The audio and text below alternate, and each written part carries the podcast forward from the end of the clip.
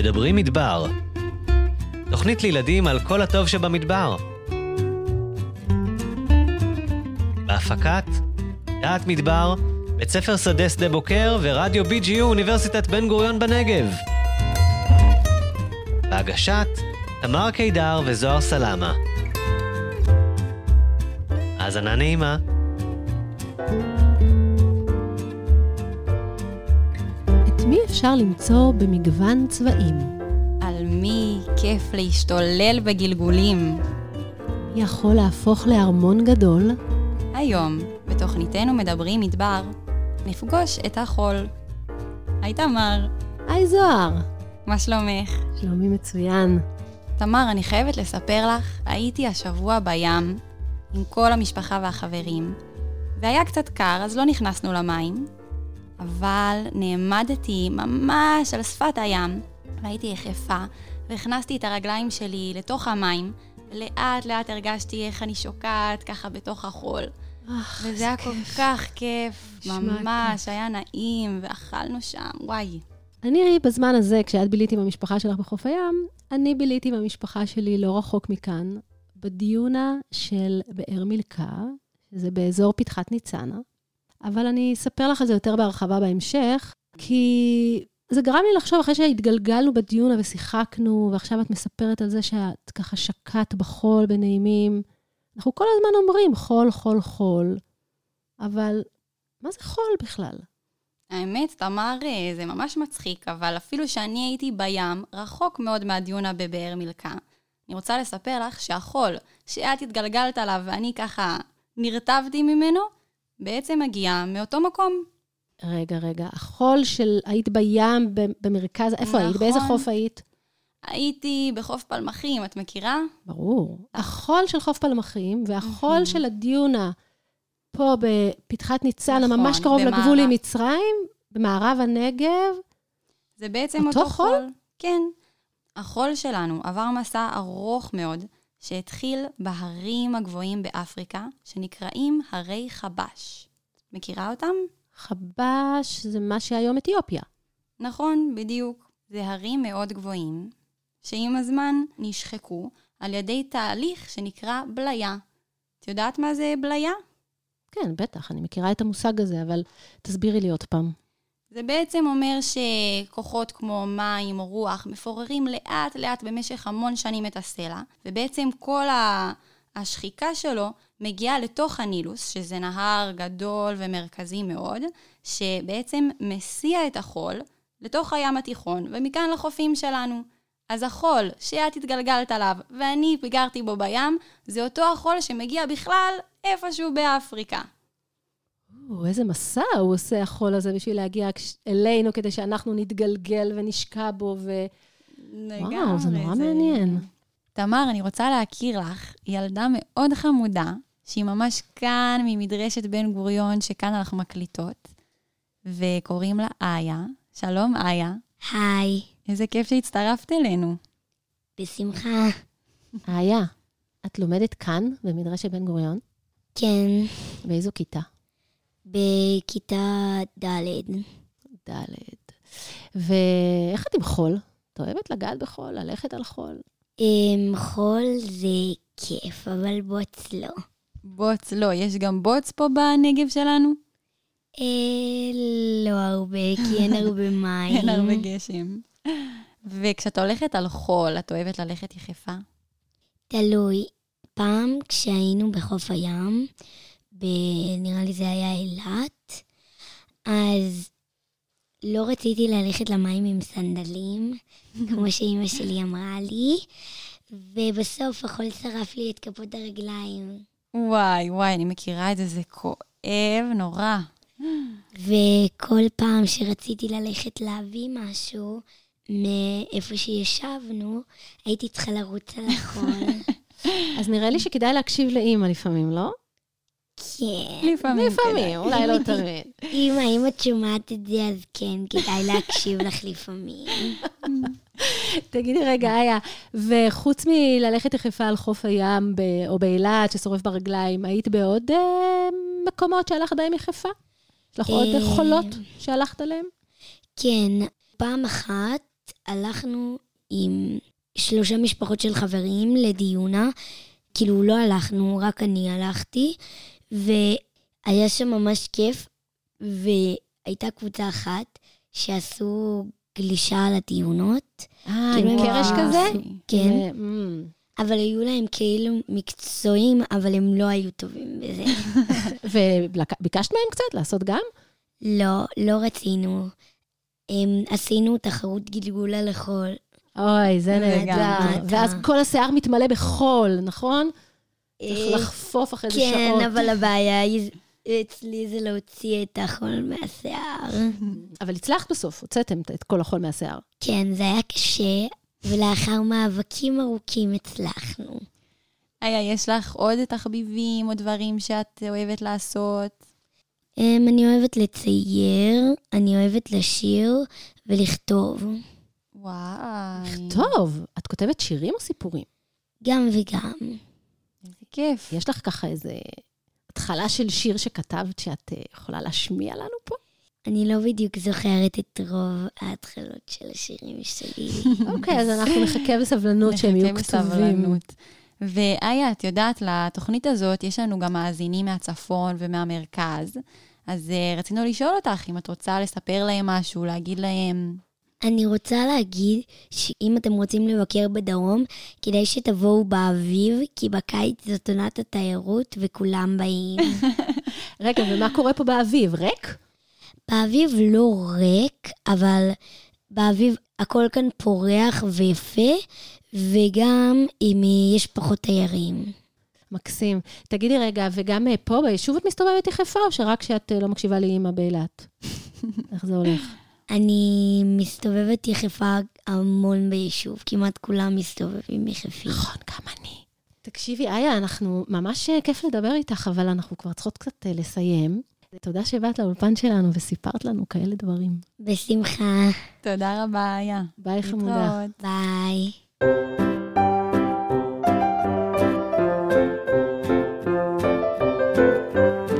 את יודעת, כשהייתי עם המשפחה שלי בדיונה, תמר, את אומרת מלא את המילה דיונה. איך היא בכלל נוצרת, הדיונה הזאת? אה, דיונה זה בעצם כשהרוח באה ועורמת את החול לגובה, ובעצם נוצר מין, נוצרת הדיונה. Mm, אז בעצם זה מאוד גבוה, ואפשר uh, לרוץ מלמעלה למטה, אך, או לרוץ, להתגלגל, זה פשוט כזה כיף. אה, אבל זאת לא, אצלנו, הדיונות פה באזור, זה לא, זאת לא הדיונות הכי גבוהות שיש. הדיונה הגבוהה בעולם נמצאת בארגנטינה, בערי האנדים. את יודעת, החיים בדיונות זה לא רק מקום שכיף להתגלגל בו, ויש לנו היום אורח מיוחד שהגיע במיוחד לתוכנית הזאת, והוא יספר לנו על כל בעלי החיים והיצורים שבעצם גרים בדיונה. אז אה, שלומי, שלום, איזה כיף שהצטרפת אלינו לאולפן. אהלן, כיף לראות אתכם. אהלן, שלומי. לשמוע, אהלן. אז אתה מספר לנו על הדיונה קצת? כן, אני אשמח אה, לספר לכם על הדברים שאני פוגש בדיונות, אה, מה אנחנו רואים. אתה מטייל הרבה בדיונות? אה, אני גר ברתמים, שזה במערב הנגב, וצריך קצת לצאת מהבית, ואנחנו מגיעים לדיונות נהדרות, אז על הכיפאק, ממש כיף. מה אתה בדרך כלל רואה שם? מתי אתה מטייל? אני אוהב את הדיונות, הדרכתי בבית ספר שדה שקמים בניצנים. טיילנו בדיונות בנמיביה, וכשהגענו לנגב ראינו ככה את החול, היינו באמצע סופה, סופת חול, וראינו את החול ככה רץ על הכביש יפה, ואז אמרתי, טוב, זה, זה אחלה. אז uh, כמעט כל הזדמנות אנחנו קופצים ככה ל- לדיונה נהדרת, שאנחנו בדרך כלל שם הרבה פעמים לבד, ו- ואנחנו והחיות והעקבות, וזה ממש כיף. חיות? איזה חיות? אז uh, תמיד, זה, זה משהו די uh, ידוע ש, שהמדבר uh, הוא שממה, אבל בעצם זאת לא האמת, ואם מגיעים, בעיקר בלילה כשנעים, או בבוקר מוקדם, אפשר לראות את כל בעלי החיים וגם את העקבות שלהם, כל מי שיצא בלילה לשוטט. ממש אפשר להסתכל ולראות מי עבר, ולפעמים גם מה הוא עשה, וזה אחד הדברים שאני אה, מאוד אוהב בחולות או בדיונות, שבעצם זה כמו כתב חידה. אתה מגיע לשטח, מנסה לפצח מי הלך פה, לאן הוא הלך, מה הוא עשה, ואיזה בעל חיים זה בכלל. כל פעם מגלים משהו, כל פעם מגלים משהו חדש. מה, מה גילית בביקור האחרון שלך בדיונה, נגיד? אה, איזה יצור אז אני יכול גילית? לספר לכם על איזשהו, איזושהי תגלית אה, מאוד נחמדה, זה לא היה בביקור האחרון, אבל עדיין אני קופץ לדיונה לבדוק מה, מה בדיוק אה, ראינו שם. הלכתי לחפש אה, איזשהו מין של עכביש, שיש לנו רמזים ש, שחיים גם בדיונות אצלנו. אני סטודנט באוניברסיטה העברית, אה, באוסף הכבישנים הלאומי, ו, והתכווננתי לחפש אה, איזשהו מין של עכביש. ותוך כדי אה, שיטוט אני פתאום רואה איזושהי גבעה קטנה בחור, ממש איזה, איזה חור קטן שהיה נראה לי מאוד מוזר. התחלתי לנשוף, החול התחיל לעוף לצדדים, פתאום אני מגלה שהחור הזה בעצם מדופן בקורי משי עדינים. המשכתי לנשוף ועוד ועוד עד שהגעתי לקצה חוט המשי הזה, ופתאום. ראיתי שם בעל חיים, זאבן, אה, בקצה, בקצה הכור. שזאבן זה. זאבן זה סוג של, אה, סוג של עכביש, אה, משפחה עם עכבישים גדולים יחסית. רגע, אז נשפת לו את החול בעצם, סילקת לו את מסתור מסתור. שלו. את שלו. המסתור, כן. קלקלת לו. אה, כי- אה, כן, הוא חפר די מהר אחרי ש- שהבנתי מה זה ושחררתי אותו. אה, אבל בעצם זאת הייתה תגלית נהדרת. כששלחתי את התמונה של העכביש שמצאתי בקצה קורי המשי שנכנסים אל תוך החול, ל- ל- אה, איגור, שהוא דוקטורנט שעובד איתי במעבדה, של אה, אה, דוקטור אה, אפרת גביש רגב, אה, פתאום הוא כל כך התלהב, הוא אמר לי, תשמע, זו פעם ראשונה אי פעם שמצלמים את המין הזה בחיים. זאת אומרת. המין הזה היה ידוע, תיארו אותו כבר, זה מין שהוא לא חדש זה למדע. בדיון, ה- איפה? בדיון על יד רתמים? זה באזור אה, משאבי שדה. כן, בין אה, רתמים לצומת משאבי שדה, ומתברר שהמין הזה כבר נאסף, מוכר מהארץ, אבל זאת פעם ראשונה שנמצא וואו, חי. איזה תגלית. וואו, כן. ממש אצלנו כאן בתוכנית. אז זה ממש- איזה כיף לנו. כן. רגע, וחוץ מהכבישים, איזה עוד אה, יצורים מתהלכים להם שם? אז אה, האמת, אה, נהדר להסתכל על עקבות של אה, חיפושיות, ועקבות של אה, אה, זוחלים ו- ומכרסמים. איזה זוחלים, למשל. האמת שזוחלים זה נהדר. אה, אפשר, אם מסתכלים על אה, זוחלים, אפשר ממש לראות איזה מין בדיוק עבר בדיונה. האם זה נחש חולות שיש לו עקבות קלאסיות, הקלטון מאוד יפה וקלאסי, אפשר ממש לזהות אותו, להגיד, הנה, כאן עבר נחש חולות. נחש? ראית נחש בדיונות? אם יוצאים בעונה המתאימה, אפשר לראות אפילו כל ערב. אם הולכים על. העקבות יפה, ו- ולא מין אחד, אלא אפילו כמה מינים. אז רגע, יש זוחלים, יש עכבישים, עכבישים, יש לומר, נכון? אה, עכבישים, כן, נכון, המשפחה הזאת. או עכבישנים, זאת קבוצה עכבישנים, גדולה. קבוצה כן. גדולה. אבל יש גם יונקים קטנים, נכון? בדיונות? נכון.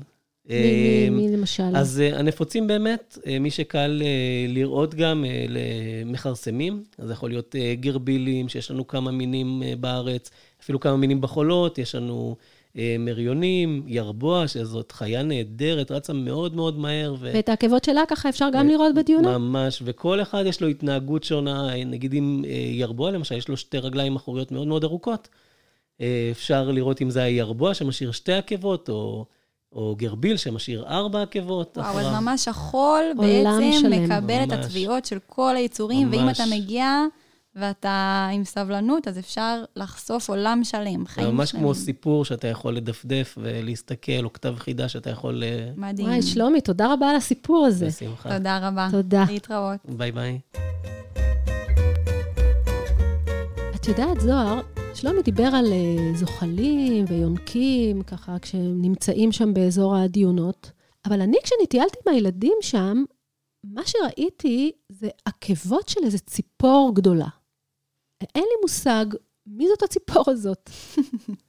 תמר, סקרנת אותי, ובדיוק בשביל זה יש לנו פה את מידד גורן, שהוא המומחה לציפורים ככה באזור שלנו, ואולי הוא יוכל לעזור לך.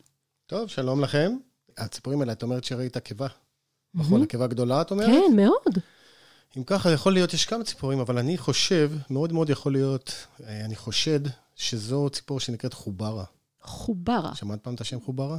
שמעתי, אבל לא, לא הייתי בטוחה שזה שם של ציפור. שם מיוחד. אז, אז הציפור הזו היא באמת מיוחדת, ומי שרוצה לראות אותה חייב לבוא אלינו לנגב, כי אי אפשר לראות אותה בשום מקום אחר בארץ, לכן היא גם נקראת חוברה מדברית. והציפור הזאת, חוברה, מזכירה לכם איזושהי מילה? אולי... להתחבא אולי, להתחבא, מתחבא, נכון, זו ציפור שיודעת להתחבא, חבל על הזמן. ולמצוא אותה צריך להיות מאוד מאוד מיומן. למה? כי היא מאוד מוסווית. זאת אומרת, מה זה מוסווית? זה אומר שהצבעים שלה הם כצבע הסביבה. צבע חום, בהיר מאוד, ומאוד יכול להיות, אני כבר אומר לך, שאם ראית את העקבות, מאוד יכול להיות שהחוברה הסתתרה לא רחוק ממך ופשוט אה, חיכתה שתמשיכי בדרכך, ואז היא תוכל להמשיך במעשיה. ומי זאת אותה חוברה? חוברה היא ציפור קרובת משפחה של העגור. מכירות את העגורים? אלה כן, שבאים את אלינו העגורים, עכשיו. כמובן.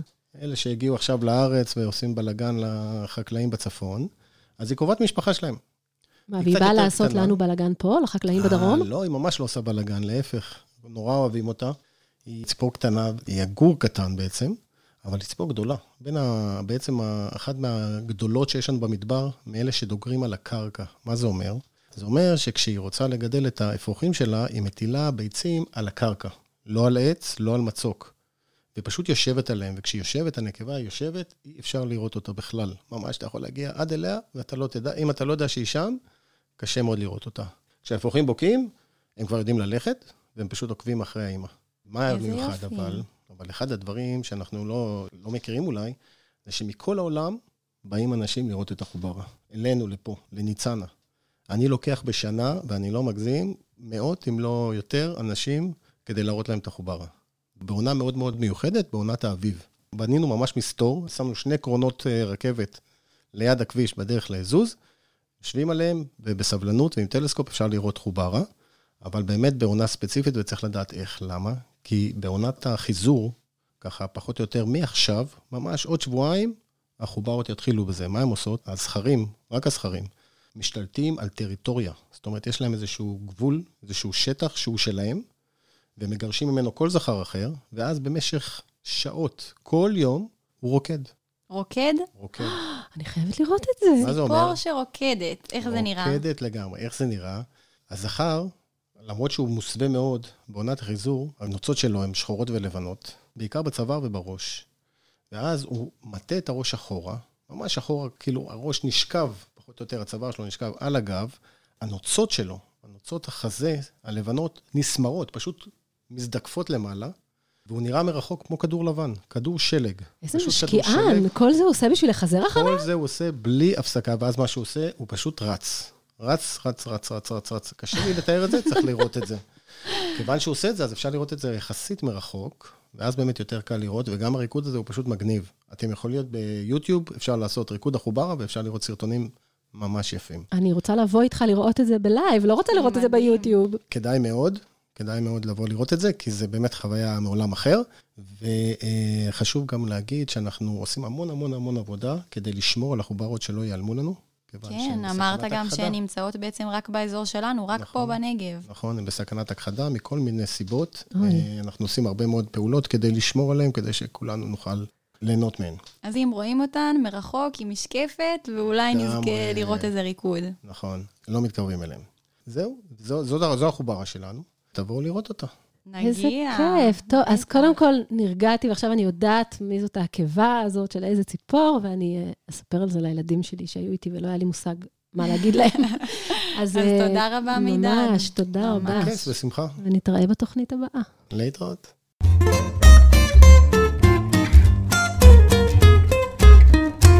אז אנחנו מדברות פה הרבה על חול ועל חיות שגרות בחול, והחול שאנחנו מדברות עליו זה באמת סוג מסוים של חול. יש עוד סוג שנקרא אבן חול.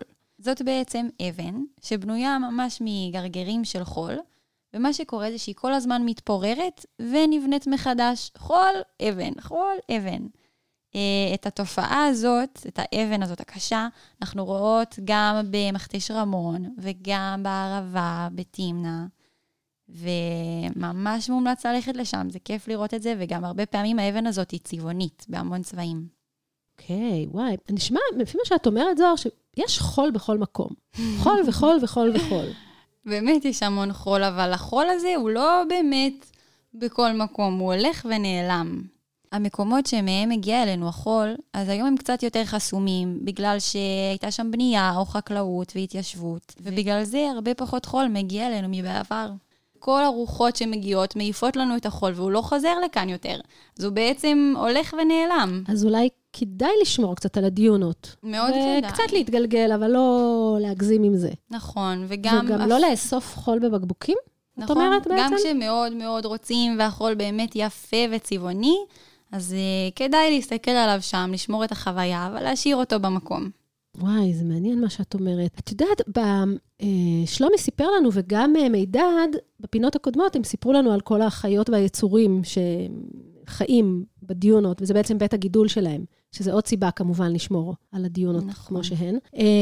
וגם קרן, בפינת אגדות המדבר שלנו, תספר לנו היום על רן האחן וחבריו בדיונה. אז נזמין אותה? יאללה, איזה כיף. היי, קרן. אהלן, אתן יודעות? כשמטיילים בין הדיונות החוליות, לא רואים כלל את הקסם המתרחש בהן בין השעות הקטנות של הלילה. אני רוצה לספר לכן היום על רן האחן, נחש מתחפר ועפרפר, שמתגורר במחילות קטנות בשיפולי הדיונות. רן האחן אוהב מאוד את ביתו. הוא אוהב את המרחב הפתוח, המאפשר לו להרגיש חופשי.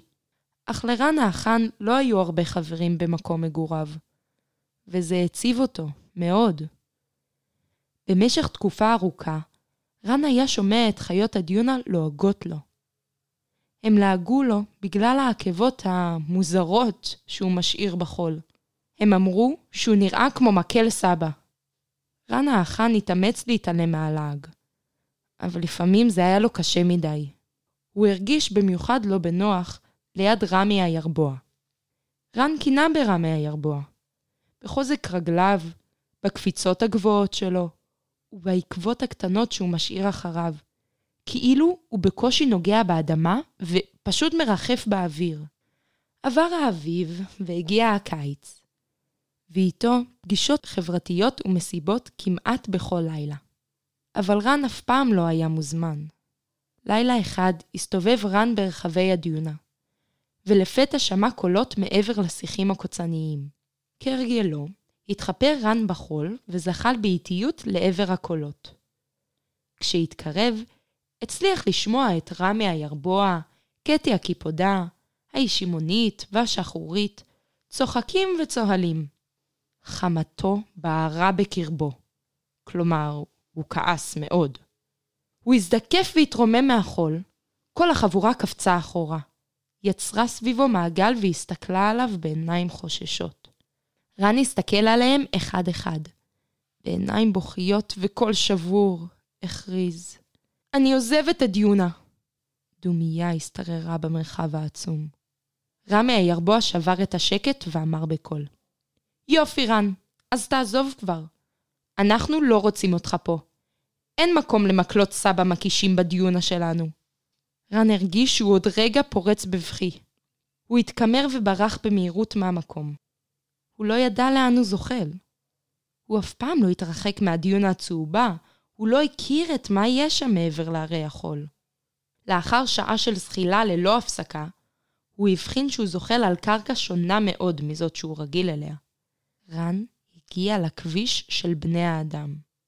הוא עצר באמצע הכביש, ופתאום ראה אורות חזקים מתקרבים במהירות עצומה לעברו. הוא עזר את כל כוחותיו והצליח לחצות את הכביש שנייה לפני שמשאית עברה שם. זאת הייתה החוויה הכי מפחידה שרן עבר אי פעם. הוא הבין שהחיים מעבר לדיונה מאוד שונים ומסוכנים, אבל הוא לא יכול היה לחזור לביתו. בינתיים, בחולות, קטי הקיפודה, שהרגישה לא נוח עם מה שקרה עם רן, אספה את כל החיות והצהירה. חייבים להחזיר את רן האחן. מיד התחילו לחשושים בין השותפים לאספה. בסופו של דבר, כולם הסכימו עם קטי להחזיר את רן הביתה. הם חשבו וחשבו, ולא ידעו מה לעשות. איך ימצאו את רן בכל המרחב העצום הזה? רמי הירבוע ישב בצד, ועל אף שבהתחלה לא היה מרוצה מהיוזמה, צץ בראשו רעיון והוא הציע. אתם יודעים, העקבות של רן האחן אה, מאוד בולטות בשטח. אולי פשוט נלך אחרי העקבות שלו. פצחו כולם במקהלה. קטי הקיפודה ורמי הירבוע, יחד עם כל חיות הדיונה, הלכו צעד צעד אחר העקבות של רן, ולאחר לילה ארוך הגיעו לכביש, שם פסקו העקבות. התחילו כולם לצעוק בקול ולקרוא לרן. שמע רן את קולות חבריו, וכשראה אותם מהצד השני של הכביש, ליבו התמלא שמחה. רן האחן חצה את הכביש בזהירות. וכשהגיע לצד השני, כולם שמחו וצהלו. אחת-אחת ביקשו החיות סליחה מרן, והראו לו את העקבות שהם משאירים אחריהם, וכמה הן משונות ומצחיקות. העקבה שלי נראית כמו חצי שמש, אמרה קטי הקיפודה בחיוך. ושלי כמו של פיל עם חדק, צחקה הישימונית. והעקבות שלי נראות כאילו יש לי רגל אחת. אמר רמי הירבוע והתפקע מצחוק. חזרו כל החיות לדיונות. לאורך כל הדרך הן צחקו והשתעשעו, ונהנו כולם ביחד. כשהגיעו, אמרה קטי הקיפודה, זהו הבית שלך, רן האחן. זה הבית של כולנו. לפה אנחנו שייכים, ורק פה אנחנו יכולים להתקיים ולחיות.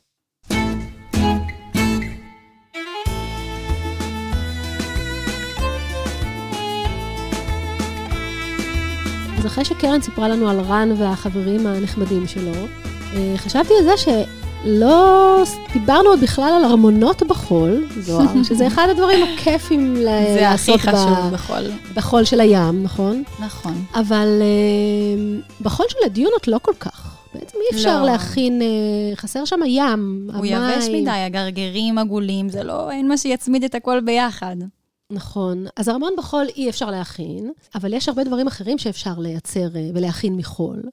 למשל, אה, זכוכית, לבנים, וואלה. לבנייה, כן, מלט, נייר מחול? שיוף. כן, כן, כן, נייר שיוף, שבעצם קוראים לו נייר לטש. בואנה, חול זה דבר חשוב, אה? דבר חשוב ונהדר, ואני ממש אה, ממליצה לך אה, לצאת קצת זהו, אל הדיונה. כולם פה סיפרו לי על, את סיפרת לי על הטיול שלך עם המשפחה בדיונה. נראה לי שהגיע הזמן לקרוא לאבי, לפינת הטיול, שייקח אותי לטייל, לגעת קצת, ללכת יחפה על חול.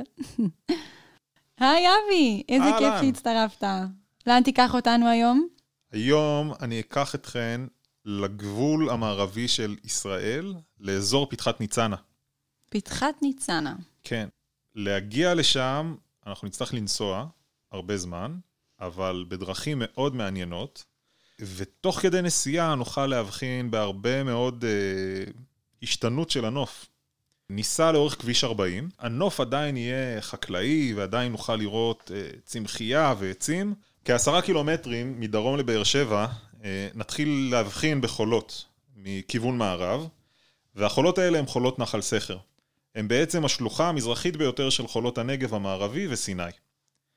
נעבור תחנת דלק, ומיד לאחר הצומת הבא, 15 קילומטר מדרום לבאר שבע, נעצור את הרכב בכניסה לדרך עפר. זה הזמן להליכה קצרה ולחילוץ עצמות. נלך בדרך העפר מערבה כ-500 מטר עד שנגיע אל נחל סכר. קרקעית הנחל בנויה סלע לבן להפליא וחלוקים, וחולות חומים עותרים מכל הכיוונים. זה מקום לשוטט, לגלות את גבעות החול הרך, לרוץ במורד, להתגלגל. או, כמובן. הנה זוהר, רצית לרוץ מעולה. ולהתגלגל. אז שם, רק מ- אני רק רוצה לוודא, אפשר להיות יחפים. כן. אנחנו uh, נחזור לאוטו, נמשיך לנסוע מערבה לכיוון ניצנה. לא רחוק מהכביש אפשר להבחין במקבצים של עצים בתוך uh, מתחמים זכורים. עצים בנגב, מקבצים גדולים? אתה בטוח? לא מאוד גדולים, חלקם קצת יותר גדולים, רובם די קטנים. המתחמים האלה נקראים לימנים.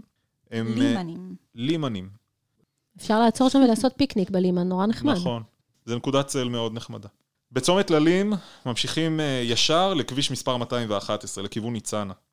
בדרך מימין אפשר להבחין במטעי זיתים ענקיים. הפעם באמת אנחנו מדברים ב- במטעים מאוד מאוד גדולים, במשך דקות ארוכות אתם תיסעו ותוכלו להבחין במטעי זיתים כאלה. מצד שני, תבחינו מול היישוב אשלים במגדל גבוה, Mm. בוהק, עם אלפי מראות שמכוונות לראשו. מסנוור מאוד, כמו עוד שמש. נכון, מסנוור לחלוטין. אנחנו בעצם אה, מדברים פה על אה, תחנת כוח שמייצרת חשמל בתהליך של אנרגיית שמש, מאוד חיובי לנצל את אנרגיית השמש, מצד שני גם מאוד בולט בשטח. עוד נסיעה של בערך רבע שעה, ואז אנחנו מגיעים לפנייה ימינה לכיוון המושבים קמעין ובאר מילכה. נעבור את שני המושבים בנסיעה, אפשר להבחין באזור הזה יותר בחממות, גם בגידולים חקלאיים, אבל בסוג שונה ממה שראינו קודם לכן. והחקלאות כאן היא בעצם מקור הפרנסה העיקרי של התושבים. מגדלים פה את עגבניות השרי המתוקות בעולם. נכון, הן ממש טעימות. דרך אגב, על מים מלוכים ששואבים מקרקעית... מים מ... מלוכים, מים... אבל עגבניות מתוקות. נכון, מים מלוכים שנשאבים מהקרקע, ובעזרת המים משקים את העגבניות, והן הפלא ופלא יוצאות מאוד מתוקות. אוקיי, okay, אז ראינו את כל החממות היפות האלה, ואנחנו בדרך ל... אני רוצה דיונה. עוד לא. עוד, עוד קצת. לא. אוקיי, לפני כן, uh, קצת אחרי היישוב באר מילכה, אנחנו נגיע לבאר מים מאוד עתיקה, שנקראת ביר מלאגה, בלשון המקומיים הוותיקים יותר, בעברית באר מילכה. אפשר להחנות פה את המכוניות, אפשר להציץ לתוך הבאר העמוקה, יש קצת שלטי הסבר, ליהנות מהמקום ולהמשיך לכיוון הדיונה. יש. לא לשכוח, מים, כובע, שקית להשפעה, משקפת, כי מנקודות מסוימות אפשר להשקיף למרחקים, אה, ואפשר גם למצוא... בשביל לראות את הציפורים שמידע ציפר לנו עליהן. נכון, אז כדאי להביא משקפת. נכון. נחצה את הכביש, נלך מערבה לכיוון הנחל. אה, את הדיונה רואים קצת מרחוק, אבל מרחק הליכה סביר, לא מאוד מאוד משמעותי. נחצה את הנחל, את נחל ניצנה, ונגיע למרגלות הדיונה. מדובר בדיונה, תקשיבו טוב, וואה. הגבוהה והארוכה ביותר בישראל. וואה, ממש אצלנו במדבר. מגרש משחקים מטורף. אני, אני מניח שכבר דיברתם על דיונות. לא מעט. אוקיי. ועל זה שצריך לשמור עליהן גם, כי הן בית גידול אה, גדול מאוד להרבה חיות ויצורים. נכון, ומה שעוד מעניין בדיונה, ואולי גם את זה הזכרתן, שאם דוחפים את היד קצת פנימה לתוך הדיונה, mm. מרגישים שהטמפרטורה בעומק של חמישה, עשרה סנטימטרים, מאוד שונה מפני הקרקע וממה שיש למעלה. למעלה כי... זה חם, בפנים זה קר. נכון. כי בעצם החול הוא מבודד די טוב, וזה גם מאוד עוזר לבעלי החיים שחיים בדיונה אה, להסתתר מהחום. עכשיו, זה הזמן לטפס, להתגלגל, ליהנות מהחול. כדאי למי ש... לאסוף את השיער. בדיוק, למי שיש שיער ארוך, כדאי לאסוף את השיער. לרוץ למטה, לעלות, לחזור, לעלות, לרדת. בסופו של דבר זו חוויה כיפית. אמ, לאחר מכן נחזור אל המכונית, לא לשכוח לנער טוב טוב את הבגדים, את הנעליים וגם את השיער, מי שבכל זאת נכנס לו שם קצת גרגירים. לפרטים נוספים, אתם מוזמנים להיכנס לאתר דעת מדבר או לאתר בית ספר שדה שדה בוקר. תהנו. מצוין, אנחנו כבר יוצאות, יוצאות לדרך. אני כבר חלצתי נעליים, אמרתי לך, אספתי שיער. תודה רבה, אבי. תודה, אבי. להתראות. אז תמר, היה לנו הרבה חול בתוכנית. היה לנו סיפורים ויצורים. אני uh, הולכת לראות את הריקוד של החוברה. כן. הדלקתי על זה לגמרי. מגניב לגמרי. האמת שאיה סיפרה בריאיון שלה שהיא ראתה את הגלישת חולות. נראה לי אני הולכת לנסות את זה. אז uh, טוב, מלא דברים מעניינים קורים פה במדבר. אני uh, מזמינה את, uh, את כל הילדים שמקשיבים לנו. וההורים שלהם, לבוא אה, לגלוש אה, בדיונה, לראות אה, חיזור של החוברה, נכון. לטייל במכתשים. ועכשיו כשהם מכירים יותר את החול ואת כל החומר המטורף הזה, אז אפשר באמת להעריך וליהנות ו... וגם לשמור עליו. ולעוף עם החול. אז בואי נעוף. יאללה, בוא נעוף. ביי, להתראות. להתראות.